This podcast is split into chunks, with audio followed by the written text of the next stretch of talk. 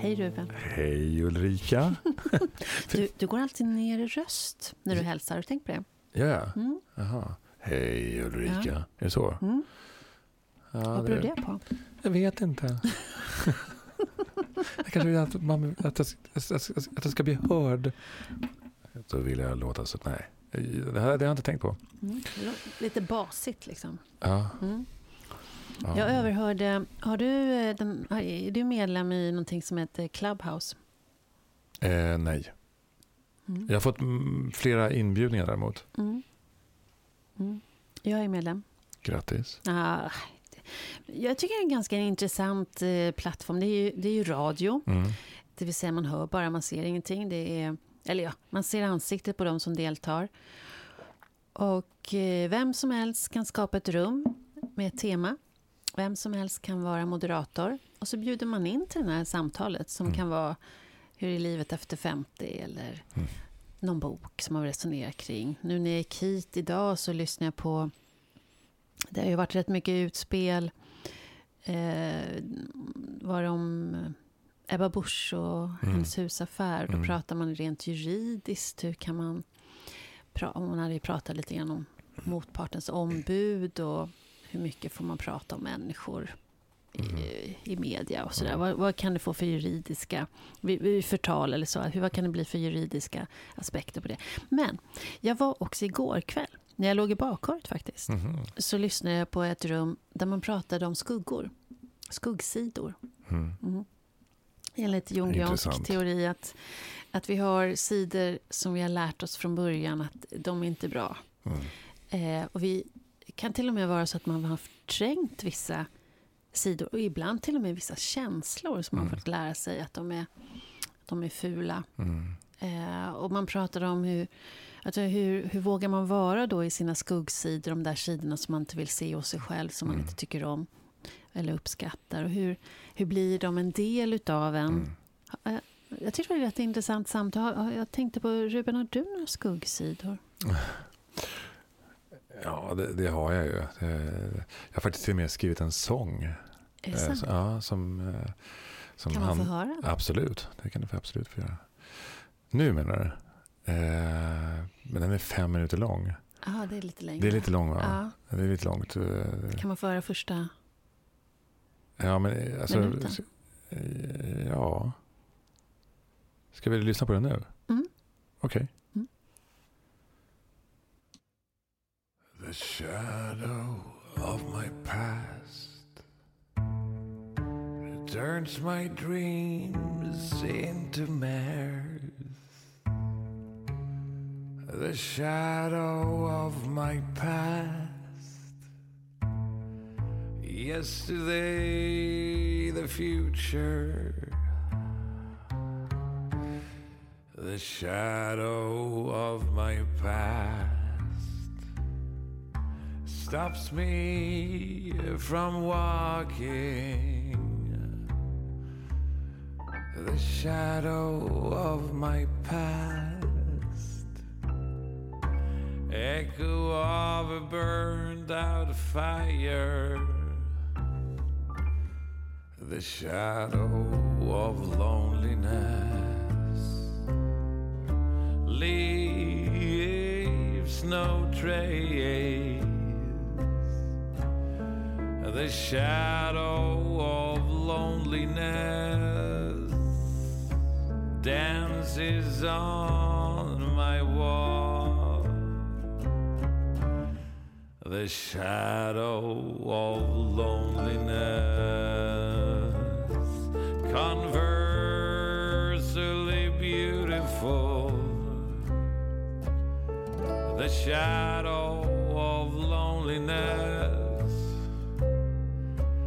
makes a hole in my wall. So I let the light in through the hole in my wall. I let the crack be the opening, the opening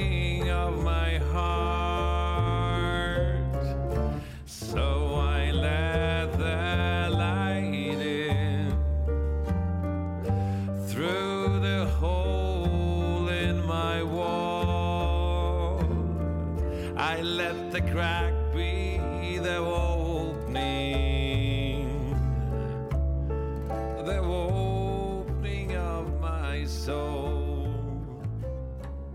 Ja, det, det var en sång om skuggor. Ja, ja. vackert. Ja, tack, tack, tack. Eh, men också att, man, att det handlar om att integrera skuggorna. Mm. För att liksom inte låta dem styra. Nej, ja. låta, låta dem få bli synliga också. Ja, precis. Mm. Och att det som krackelerar i verkligheten, att det är också det som skapar sprickor som gör att ljuset kan ta sig in där. Mm. Har det varit någon skuggsida genom åren hos dig som det varit svårast att erkänna för dig själv eller som du har varit eh, svårt att se kanske? Ja, eh, det har det ju såklart. Eh, och alla de här sakerna har varit processer i olika fa- mm. och olika faser i olika tider också. Eh, nej men det, för mig handlar det om eh, Alltså det, och lite grann också det som vi pratade om när vi pratade med Arthur, när, mm. när det var mm. hans program. Mm. Eh, om sårbarhet, att, mm. att eh, tillåta mig att vara sårbar. Mm. Eh, att inte behålla sårbarheten för mig själv. Mm. I tron om att jag är stark på det sättet. Eh, för det är ju precis tvärtom. Och det har tagit en tid att uh, se den, den skuggsidan och vad, vad, hur mycket den har skadat mig. Mm. Att inte våga vara helt och fullt transparent, i synnerhet för nära och kära.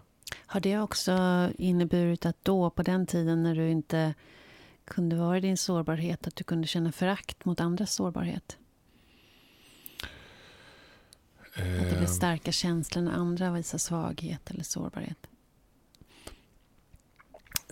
Nej, inte riktigt. Mm. Eh, har det inte varit för min del. Mm. Eh, eh, snarare mer kanske ett, ett överintresse. Mm. som kompenserar. Eh, snarare det än ett förakt. Liksom. Ja. Ja, kompenserar upp där ja. jag, när, när jag tittar tillbaka. Eh, men det är klart att, det, att, att vissa reaktioner, eller vissa reaktionsmönster som jag har haft, mm. har just varit betingat av eh, rädslan för sårbarhet. Mm. Mm. Eh, för det är inte sällan, tänker jag, att, vi, att de sidor hos oss själva som vi inte kan acceptera eller respektera, eller vi har lärt oss från början att de är fula eller inte mm. får plats, att, att vi också kan känna aggressivitet eller förakt eller ja, motstånd mm. när andra visar de känslorna. Och att, jag brukar tänka så, jag brukar också säga det till, till andra mina barn inte minst, att när vi plötsligt känner oss väldigt provocerade av mm. någon, mm. fast vi vet inte varför, för egentligen gör ju inte den här människan något konstigt. Men man bara känner hur musklerna spänns och man blir mm. jätteirriterad. Mm. Att då är det dags att börja titta på sig själv.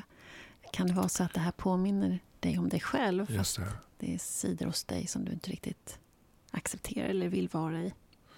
Ja, att, att, att försöka eh, skaffa sig verktyg längs med mm. vägen. Att uh, kunna använda när någonting triggar en på det här sättet. Mm. Därför det, vi vet ju att uh, trauman till exempel mm. skapar vissa hjärnspår. Mm. Alltså, som är, i princip är synliga. Uh, där vi kan se att här har hänt någonting. Inte exakt precis vad det är som har hänt. Mm. Men någonting har skett här kanske mellan 8 och 11 år. Mm. Något liknande. Och, eh, där kan det ju vara så att vissa ord mm. till och med triggar igång ett visst oh, beteende ja. Oh, ja. hos vissa människor. Att de reagerar mycket starkare på ett ord än vad andra människor gör. Och så vidare. Oh, ja.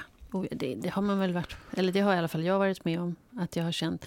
Men sen också i min handledning så, så har jag sett, alltså när jag ger andra handledning så ser jag ett upprepande i många, många genom årens berättelser av kvinnor att de har fått kämpa med att ta plats och ta mm. för sig. Mm.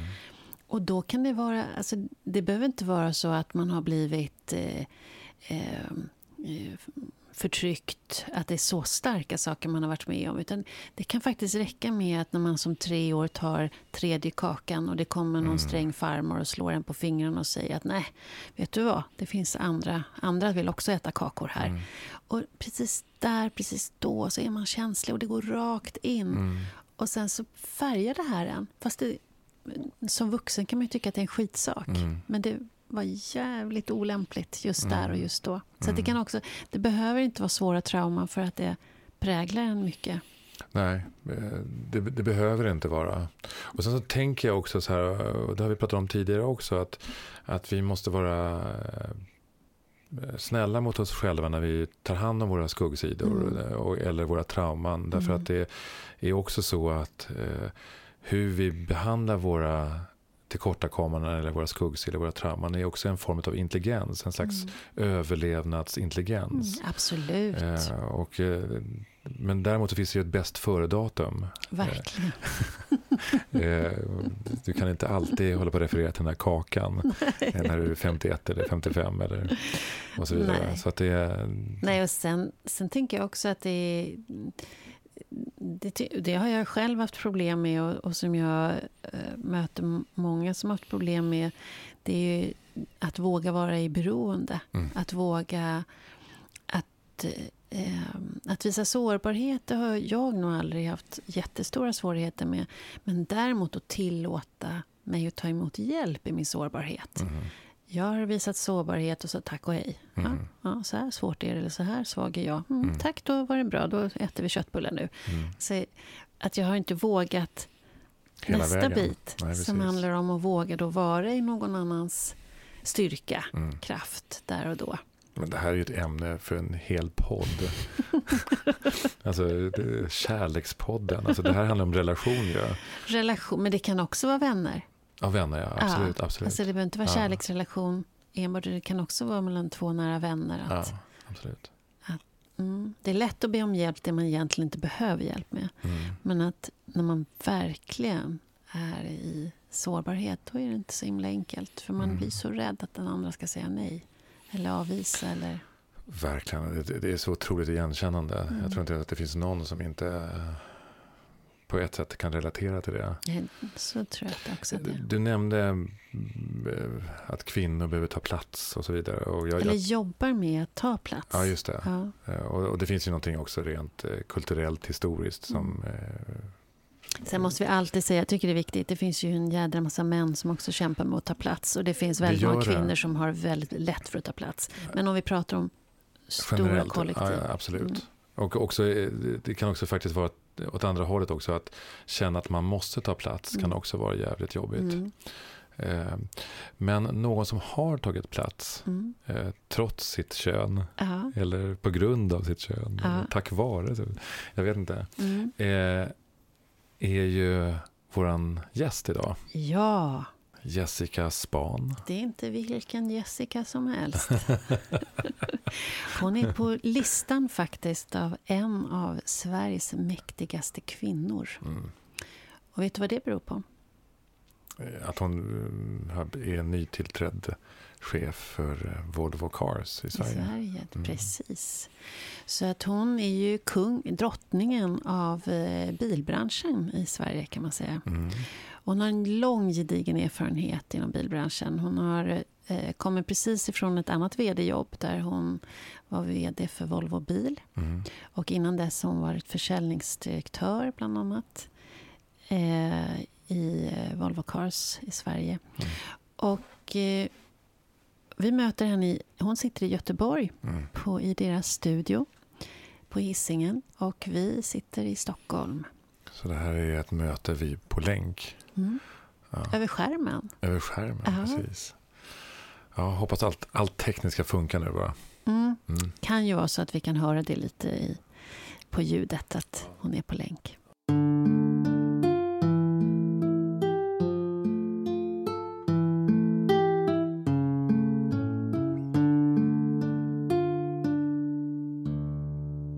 Varmt välkommen Jessica Span till podd Mogna. Tack så mycket.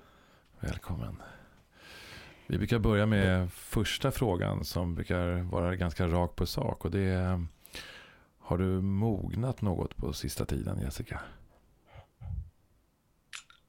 Jag har dagar som jag känner mig som en komplett mogen människa och dagar när jag känner mig som ett barn. Eh, Idag är jag kanske mitt emellan. Ja. Mm. Har det varit någonting den senaste tiden som, som du har reflekterat som har gjort att du har fått en vuxen dag eller en mogen dag? Men jag bytte ju precis jobb. Jag är ju bara vad är jag, åtta veckor in på ett nytt jobb och då, då ger man sig faktiskt tid till lite reflektion innan man säger ja till ett nytt jobb och man funderar, är det här rätt för mig? Det får man väl ändå säga är en mognadsfas Verkligen. som man ändå går igenom. Det är väl ett bra tillfälle i livet när man gör de här tankarna och mm. funderar lite själv vad man vill med sitt liv och så. Det, det kanske jag har mognat lite. Ja, och åtta veckor in, är du nöjd med att du tackar ja? Mm, ja. Men det är ju så att de... Man har ju dels en smekmånad såklart på det nya jobbet när man kan ställa alla dumma frågor och det inte krävs så mycket av en, men det är också vingligt och okänt mm. och mycket nytt och mycket krav. Så att det är en, mm.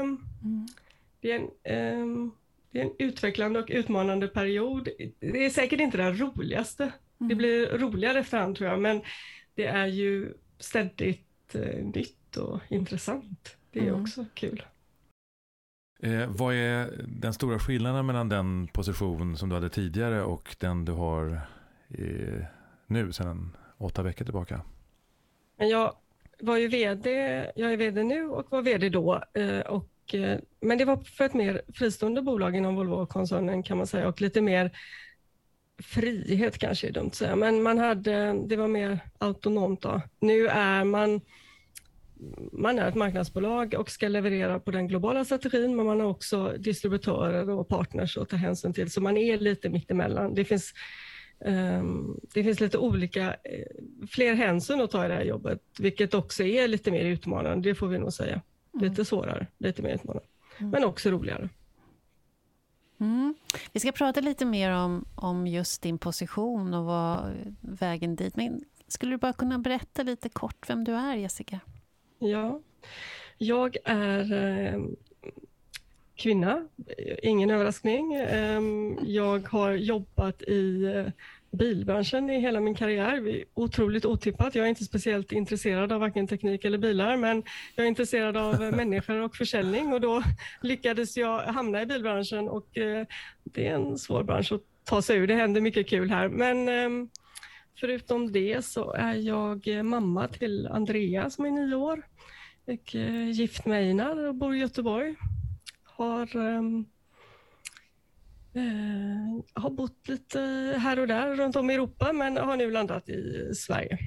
Mm. Jag, är, jag brukar säga att jag är frankofil. Jag gillar allt franskt uh, men också italiensk mat och uh, har ett, kanske ett svenskt lynne ändå. Så lite så.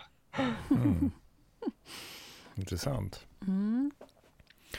Vad var det som fick dig, eh, vilka, vilka beslut var det, förutom de rent professionella, eh, eh, var det som gjorde att du tog det här eh, större vd-jobbet då, som hade flera, eh, som du uttryckte det, lite andra eh, aspekter av hänsyn? Eh, och kanske också att det kommer eh, ta ännu mera tid för, av dig. Mm. Ja, det finns alltid ett mått av självhävdelse som är genant att erkänna, men det är klart om någon säger, vet du vad, det här skulle, det här tror jag att just du är rätt för och bara du, då blir man smickrad och så är det lätt att man tycker, ja men absolut.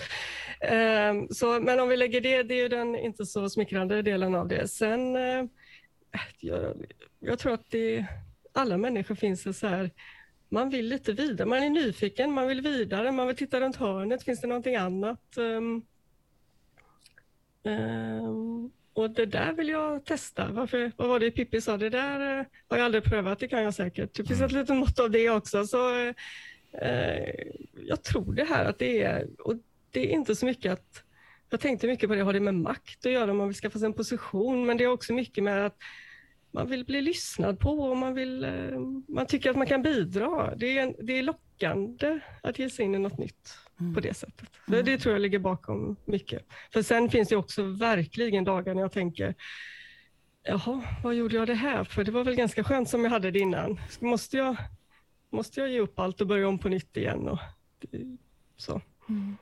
Du är ju eh, kvinna i en väldigt mansdominerad bransch.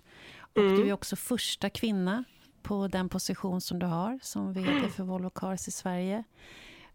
om du tittar, försöker ställa dig utanför och titta på dig själv, vad, vad tror du att det är just du som har krossat glastak? Vad är det hos dig?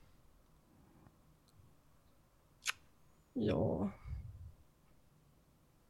Dels vet jag inte om jag... Eh, jag tror det är ledsamt att man behöver prata om krossa glastak faktiskt, för att eh, jag tror helt ärligt att jag hade fått de här chanserna tidigare om jag hade varit man, om jag vågar säga så. Det har, mm. eh, det har ibland varit gynnsamt att vara kvinna, men det har också varit, eh, tror jag när jag ser på det, eh, man är alltid först och man är alltid som du brukar säga Ulrika, man, alltid, man ser liksom potentialen i män men man vill gärna att kvinnor ska bevisa sig först innan de får jobbet. Och mm. det, Ehm, så jag tror inte att jag har någon, det är något unikt med mig. Det är också svårt, ibland får man den frågan, man ska vara mentor. Kan inte du lära de här kvinnorna eh, hur man tar sig fram? Och, ah, så, så enkelt är det inte. Jag tror att jag har haft en viss mått av mm, tur kanske och, och timing, men jag är också kapabel och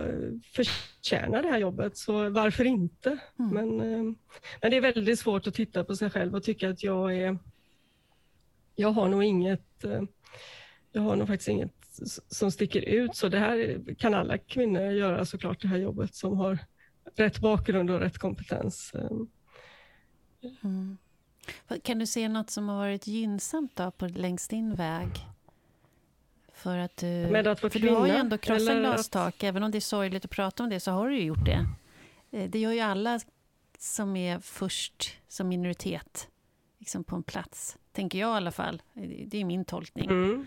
Men finns det saker som har varit gynnsamma runt omkring dig eller som du har agerat? Eller?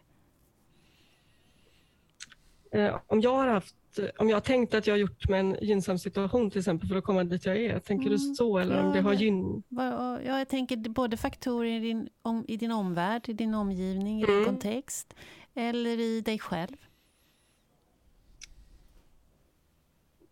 Ja, dels tror jag, men det har inte varit något... Eh, det är nog svårt att säga att det är en eh, kompetens och kanske att man kan skaffa sig det. Men jag har nog alltid tyckt att det är helt självklart att eh, man ska ha samma möjligheter. Jag har aldrig sett på mig själv som varken kvinna eller udda. Jag har sett mig själv som en människa som nog kan göra här, alla jobb mm. bra och att jag är duglig och kompetent och jag har aldrig låtit det stoppa mig. Jag har nog haft ett visst, det kanske är ett personlighetsdrag, att jag tycker att jag har lite svårt att, att eh, anpassa mig och kanske vara lite behaglig och tyst och, och, inte kräva någonting. Jag är nog ganska, jag kräver också att bli lyssnad på, mm. få ta plats. Um, mm det tror jag att man... Eh, ibland kan tänka, vad, vad kom det där ifrån? Men det har jag nog alltid haft som någon slags grund. Eh, att eh, nej, jag sitter kanske inte tyst i ett hörn och försöker... I'm not a pleaser. Mm. Och det är nog en fördel. Men det är säkert har det varit en nackdel många gånger också. Svårt att säga. Kanske mm. hade varit bättre om jag hade varit lite, lite mjuk och fin i kanterna och gjort som jag hade blivit tillsagd, det vet jag inte.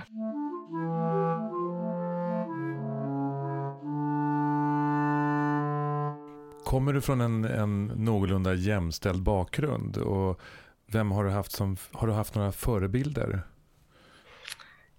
Nej, vi, Förutom jag hade en jätteintressant diskussion med min mamma eh, bara för några dagar sedan om, jag kommer ihåg våra semestrar, jag kom, jag, det var inte ojämställt hemma hos oss på något sätt, men det var ju 70-talet och det var ganska så um, Pappa jobbade och uh, mamma var hemma tills vi var tio. Och det, så att, eh, men de var ju, hade en väldigt eh, fin och jämställd relation. Så det var alltså, min mammas åsikt var viktigast. Det kan jag säga, men nej, det var 70-talet. Mm. Mm. Men jag blev väldigt lyssnad på tidigt. Jag har en eh, lillebror också, men det gjordes aldrig någon skillnad och det gjordes...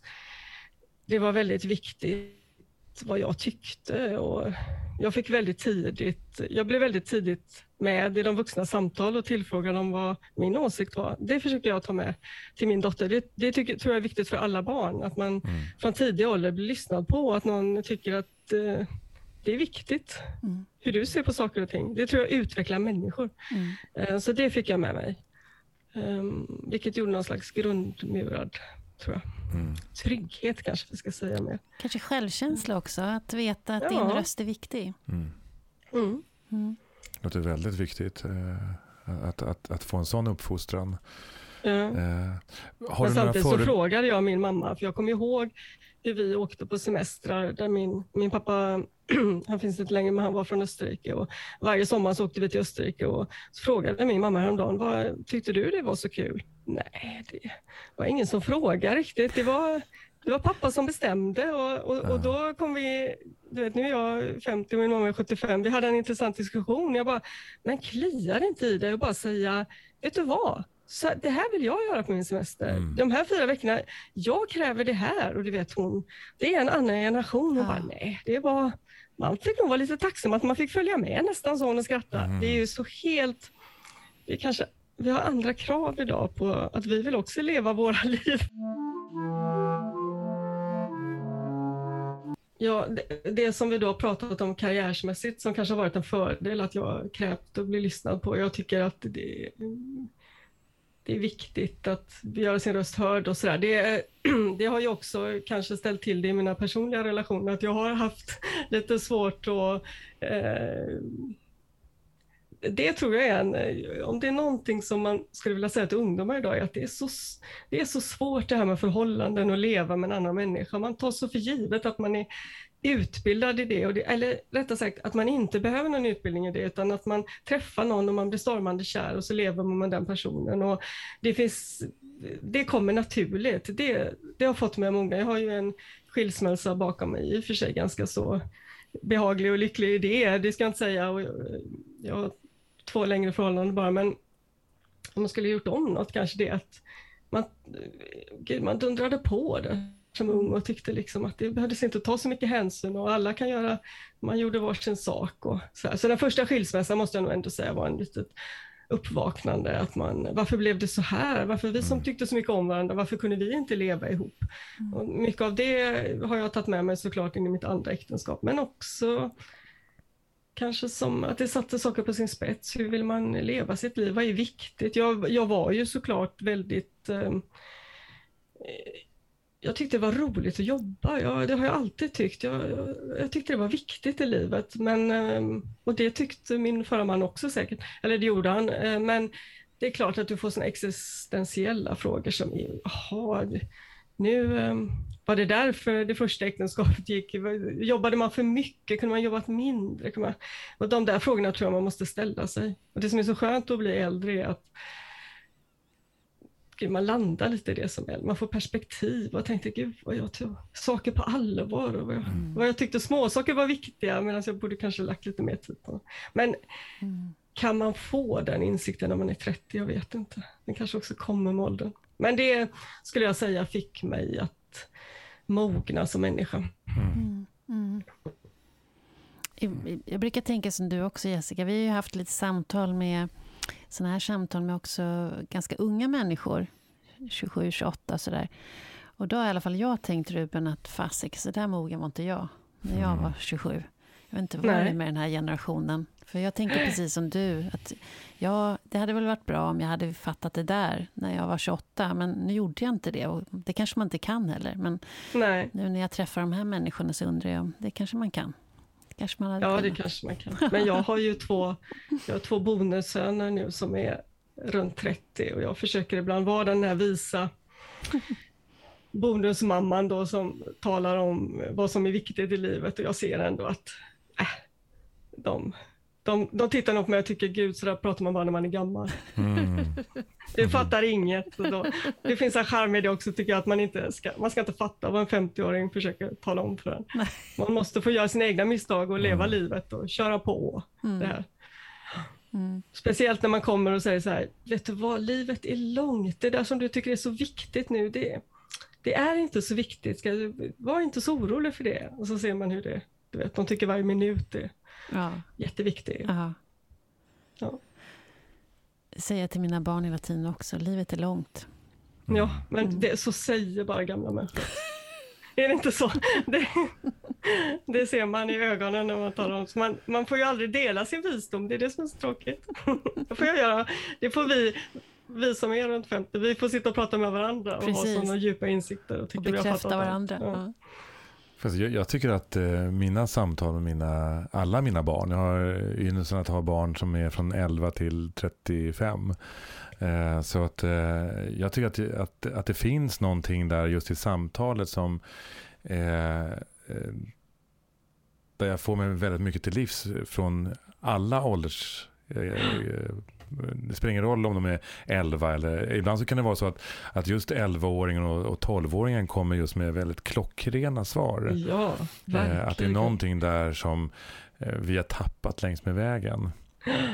Medan eh, de eh, helt oförställt svarar på någonting eller reflekterar över en situation. Mm, Ja. verkligen. Och det är ju också en, det är en sån gåva att få Ja. ha människor i olika åldrar runt sig. Jag, jag kommer ihåg att min dotter sa en gång när vi hade vi skulle iväg till skolan och jag skulle skjutsa henne och så där. Man är lite, man, man behöver ju ändå hålla tiden, man kan ju inte gå och drälla eh, på morgnarna så man, man har ju lite den här lite mammarösten att eh, så nu får du ta på dig skorna och kom igen nu och sådär. Och så till slut tyckte jag inte det gick så fort så sa jag, Andrea heter min dotter, du får, eh, får skynda dig lite, mamma har bråttom. Och då tittade hon på mig och sa, du har bråttom mamma, jag har all tid i världen.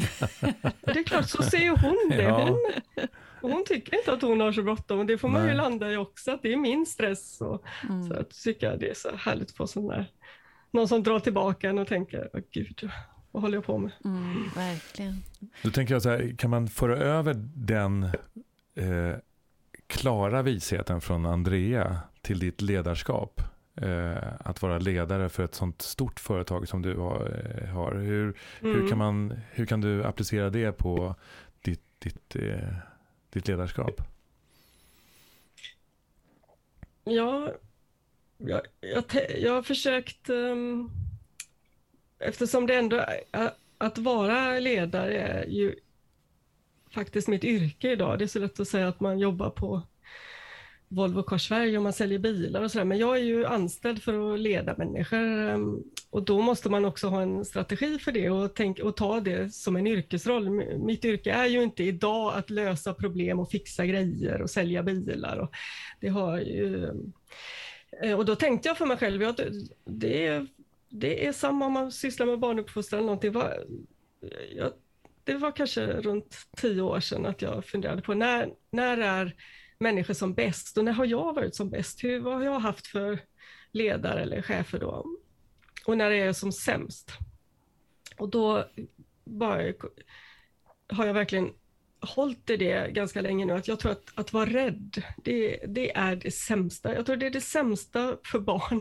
Det låter så hemskt när jag säger så, det är självklart det, men att man är, man är liksom man är rädd för vad som ska hända, rädd för att göra fel, rädd för att inte passa in. Alltså om, om man, om man som ledare inte tar det på allvar, då kommer människor aldrig växa undan. Då kommer de aldrig springa den där extra milen för, för dig eller för företaget. Eller för Mm. det gäller att skapa en trygg miljö där människor får dels bli lyssnade på, man får sin röst hörd, man, man känner att jag kan faktiskt säga vad jag tycker. Det kanske inte alltid blir som jag vill, men min åsikt räknas. Det är en trygg miljö, det blir inga reprimander om jag skulle göra fel, man kan lära av sina misstag. Det här, jag, jag tror det är väldigt grundläggande att ha med barn och människor och, och leda ett företag, det är samma. Det är något ganska mänskligt i det. Verkligen. Och, då, och drar man det till sin ytterlighet då så är det ju när allting blir som sämst, då är det en miljö där människor är just rädda. Mm. Och ändå så är ju inte det helt ovanligt med kulturer där man, Nej. där det, som är väldigt hierarkiska och där man Mm. står i nästan i vakt för chef. Man är lite rädd för chefen.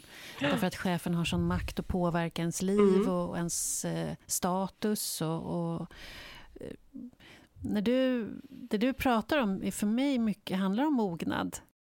Behövs det göras, finns det saker att göra här för att öka den här det du beskriver som kultur, men som också är eh, utveckling, personlig utveckling. framför allt tror jag att vi, och det har ju du skrivit om Ulrika också, och jag, jag jag tycker att vi pratar om det på ett öppet och ärligt sätt, att de karaktärsdrag som vi sätter i samband med en auktoritär manlig ledare. Vi tycker liksom han pekar med hela handen.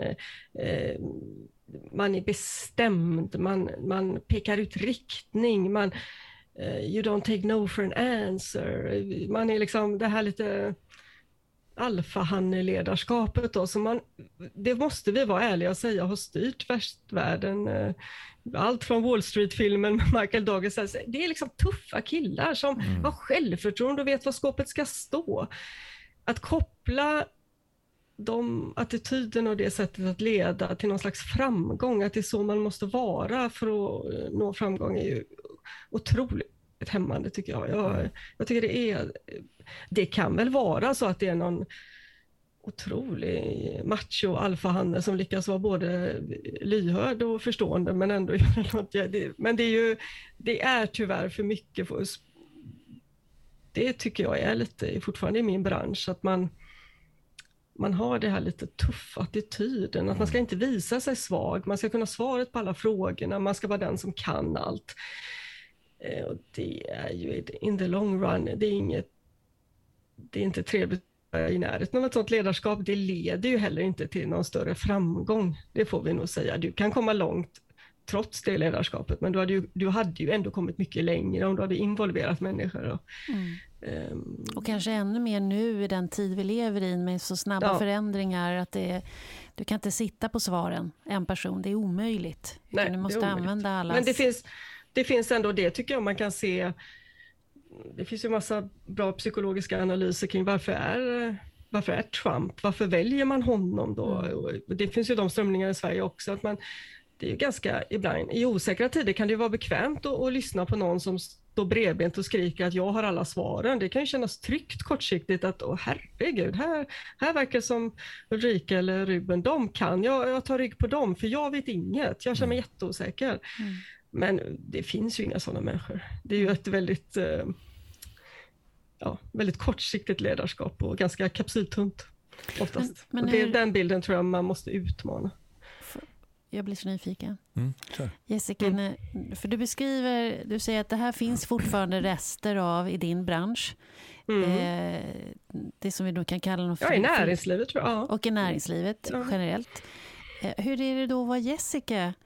Som du beskriver på ett helt annat sätt. Du vill mm. vara lyhörd, du vill vara inkluderande, involverande. Du sitter inte på svaren, du ska skapa förutsättningar för att svaren mm. hittas. Mm.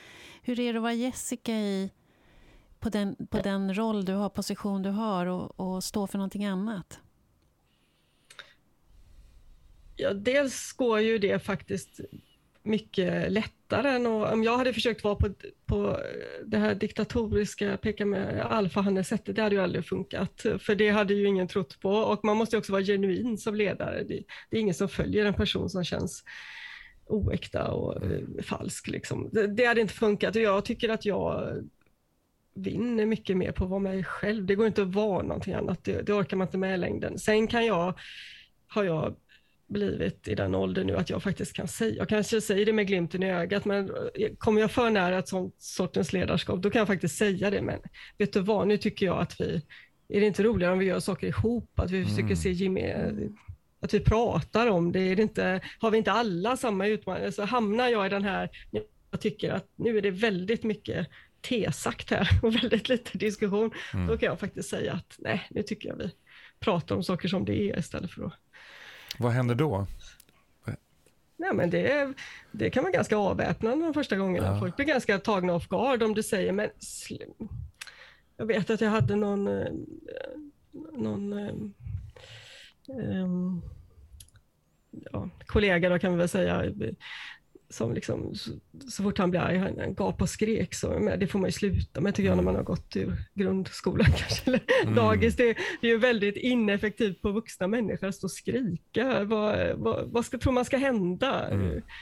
Eh, det får man, då, då kan jag faktiskt säga det så här pratar vi inte med varandra. Det går inte bättre för att du skriker. Liksom. Mm. Lugna ner mm. Fast jag säger det kanske på ett, försöker på ett litet avväpnande sätt. Man vill inte heller göra människor generade och så. Men jag tycker att man behöver kola sånt ledarskap. Det kan mm. jag nog vara modig nog att göra.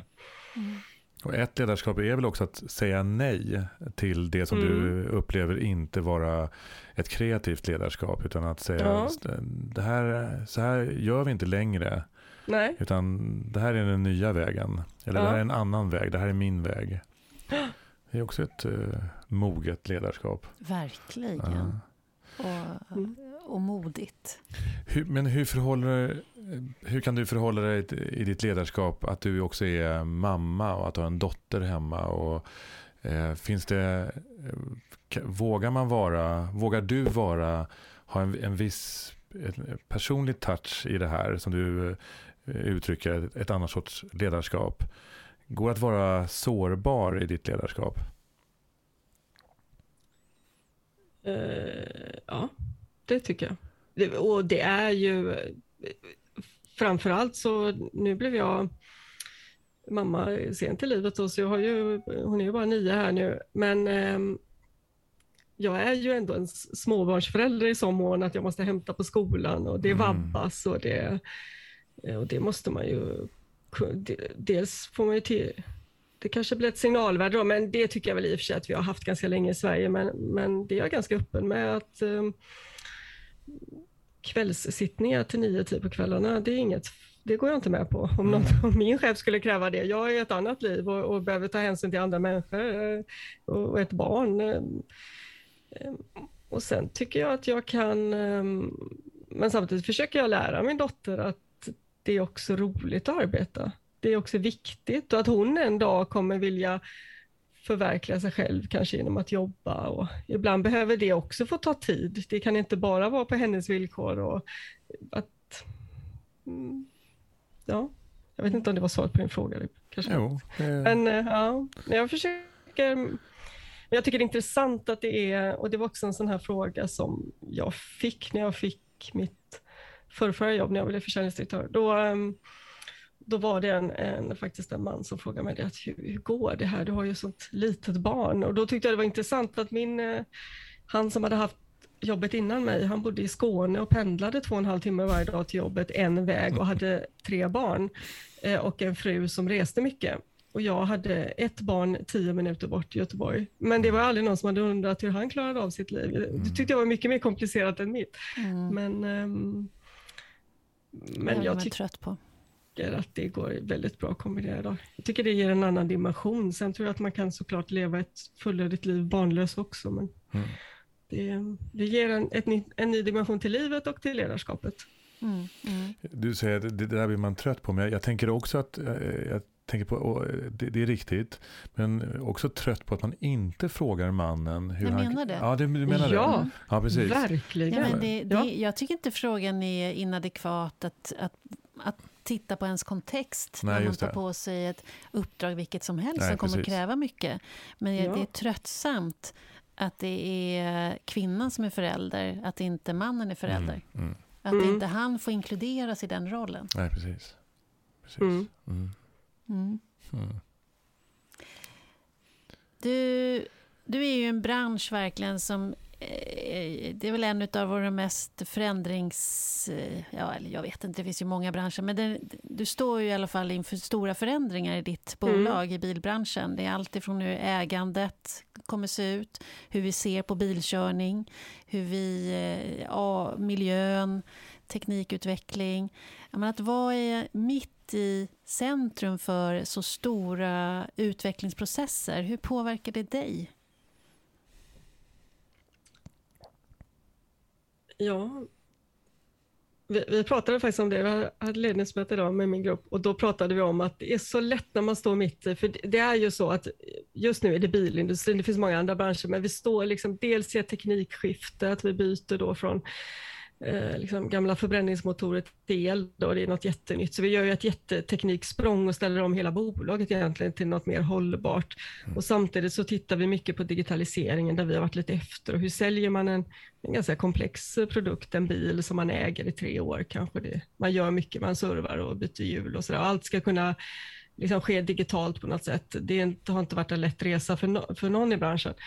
Eh, och då ställer det ju såklart krav på oss alla på bolaget att vi är med i det och att man ser eh, att man tycker det är roligt och sådär. Så att, eh, och då är det ju såklart att man hamnar när man tänker, men gud vet, om man bara hade fått bli vd för fem år sedan när inte allt skulle ändras hela tiden. Men det tyckte man inte då. Jag var, man tycker ju alltid att man lever i en ganska förändlig bransch och sådär. Men jag, det som, som jag tror är bra att jag fick jobbet nu och kanske inte för fem eller tio år sedan, det är att jag, jag har en distans till att det ligger inte på mig själv att eh, ställa om och lösa det här, utan jag har ju en massa människor som ska involveras. Och att mitt jobb är mer att leda det. Mm. Än, jag, jag, tror det, det är en mognad. Att hade jag fått det här jobbet för tio år sedan hade jag gått mer in, eh, det här ska jag lösa. Mm. mm.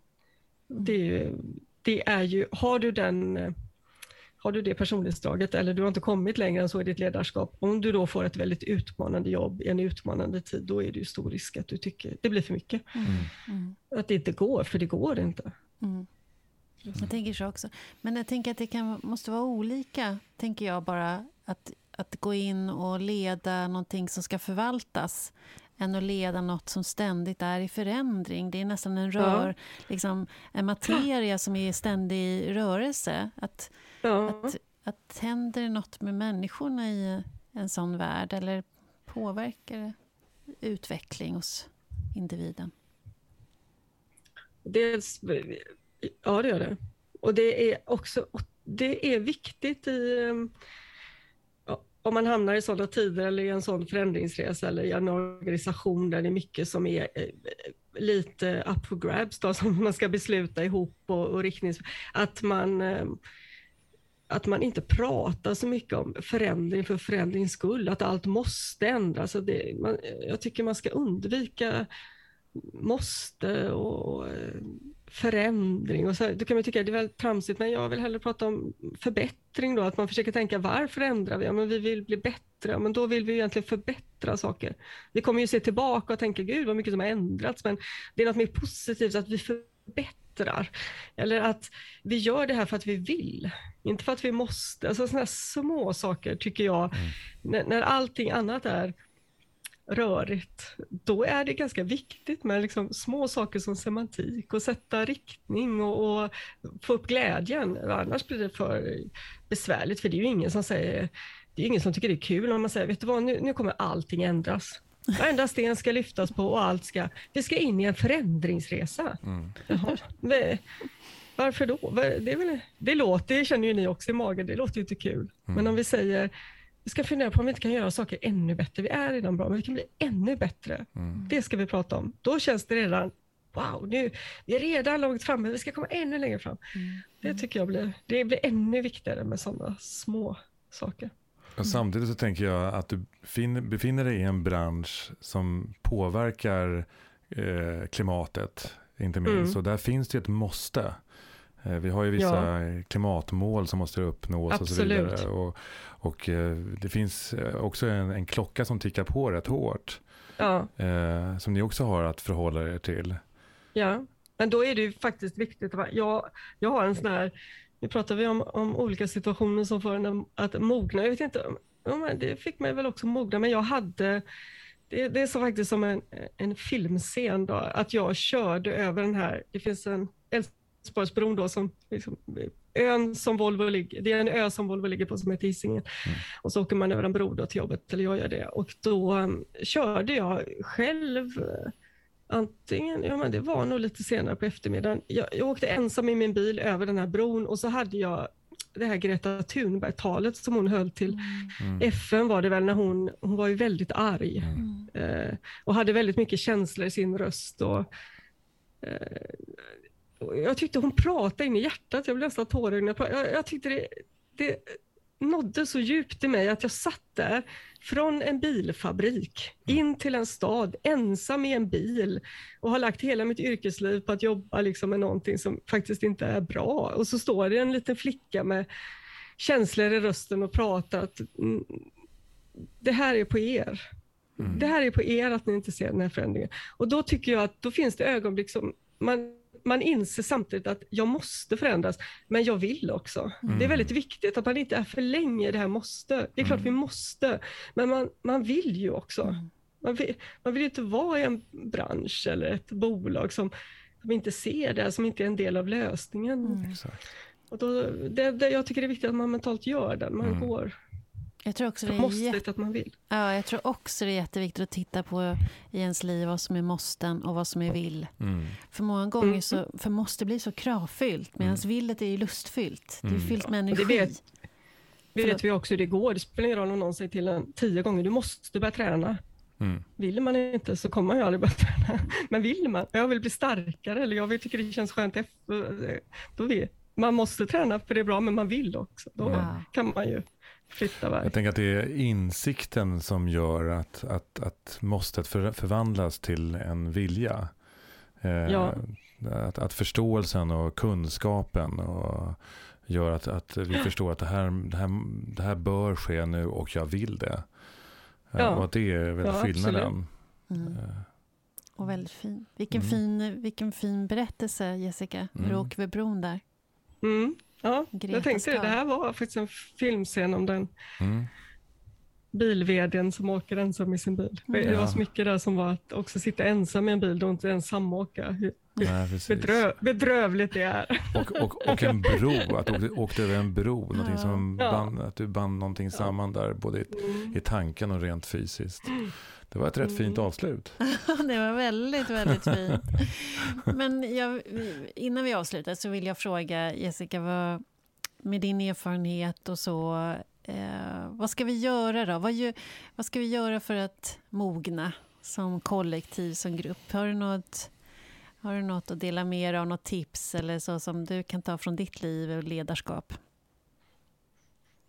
Dels tror jag det här som ni gör i er podd nu, och här, jag tror ju mycket på samtal. Ibland eh, det är utvecklande för, för alla parter. Det är utvecklande i ledarskap att prata om saker. Det blir problem som man har inom sig blir mindre om man kan dela dem med någon. Det är också lärande tycker jag, att höra sig själv prata om saker. Mm. Att man, man hör sin egen röst och man kan liksom komma på själv att men nu låter jag ju helt insnöad eller det där var korkat eller det där var Mm. ganska begåvat faktiskt. Och då, då för man sig själv framåt tycker jag. Och så, jag tror mycket på att faktiskt våga prata om saker. Det- är också en mognad i det. det är, jag, det, jag har verkligen blivit, försökt jobba med det och, och blivit bättre på det. Jag var ganska tyst om vad jag, mina känslor och, och eh, saker som jag tyckte var besvärliga pratade man inte så mycket om, utan man pratade mer om eh, att man är duktig och kapabel och sådär. Men jag tycker det är ganska avväpnande att säga ibland, vet du vad, jag, det här känner inte jag att jag förstår.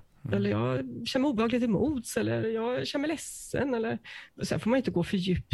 Man kan inte dra in eh, människor på jobbet i ens egna små privata funderingar för mycket. Det får man ju ha någon slags integritet i, men det är ganska... Det tror jag. jag. Jag tror också mycket på, både som människor och i ledarskapet, att vi pratar om att vi är människor. Vi är ju det, det är, trots allt.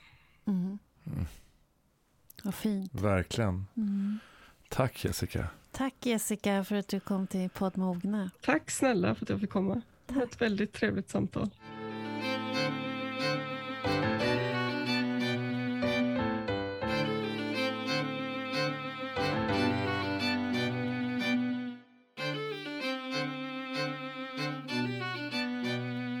Och nu, Arturs reflektioner.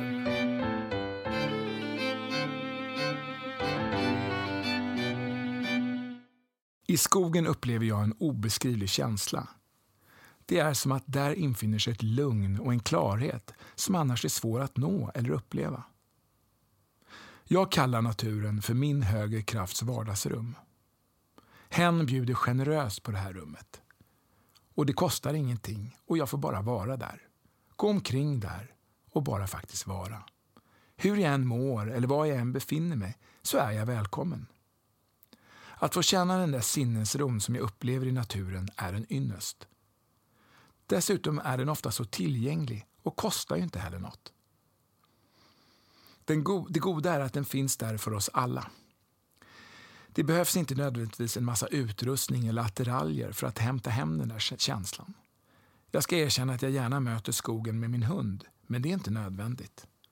Och jag är så tacksam att jag funnit naturen som en plats för sinnesro och balans.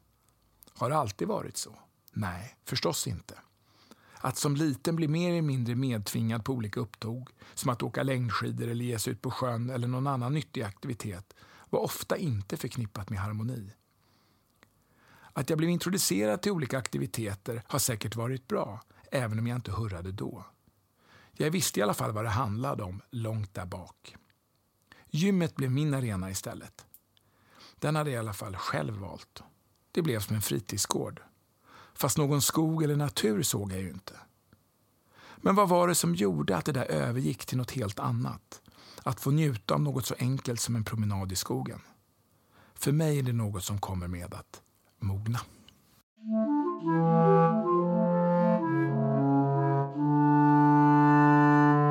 Tack Arthur och tack Jessica Span. Ja, en reflektion och ett fint samtal.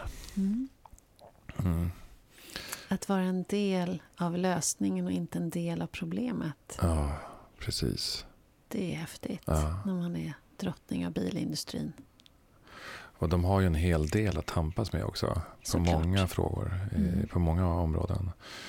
Eh, och det verkar hon vara helt eh, inne på. Och, Och eh, kapabel till. Ja, verkligen. Mm. Spännande. Väldigt spännande. Jag, jag tänker också på hur hon, eh, hur hon pratar om ledarskap och, och eh, liknelsen, eh, insikten hon får, fick från sin dotter. Mm. Det är också väldigt vackert och Mm. klokt. Mm. Mm. Think by Einstein. Mm. Einstein. Mhm. Som sa att dårskap är att göra samma sak om och om igen och förvänta sig olika resultat. Mm. Och hon pratar ju verkligen om förändring Ja, det gör hon.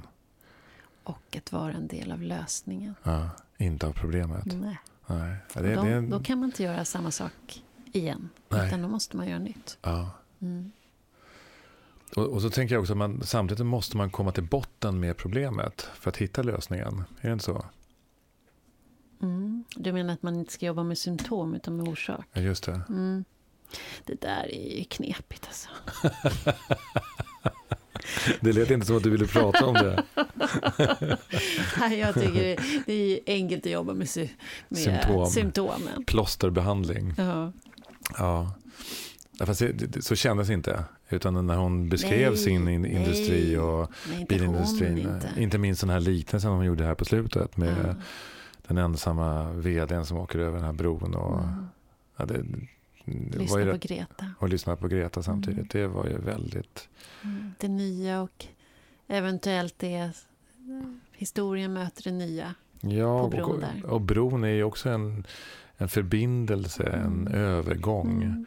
till någonting annat. Liksom. Mm. Och att hon, det var en poetisk liknelse som Mm. vdn för Volvo Cars gjorde. Mm. Det visste inte hennes anställda om att hon var så poetisk. det vet vi inte. Nej, det vet vi inte. Nej. Det vet vi inte. Såklart. Men eh, ja, väldigt fint. Ja, Tack det. Jessica. Tack Jessica. Och tack Ulrika. Tack Ruben. Och tack de som lyssnar. Ja. Adios. Adios.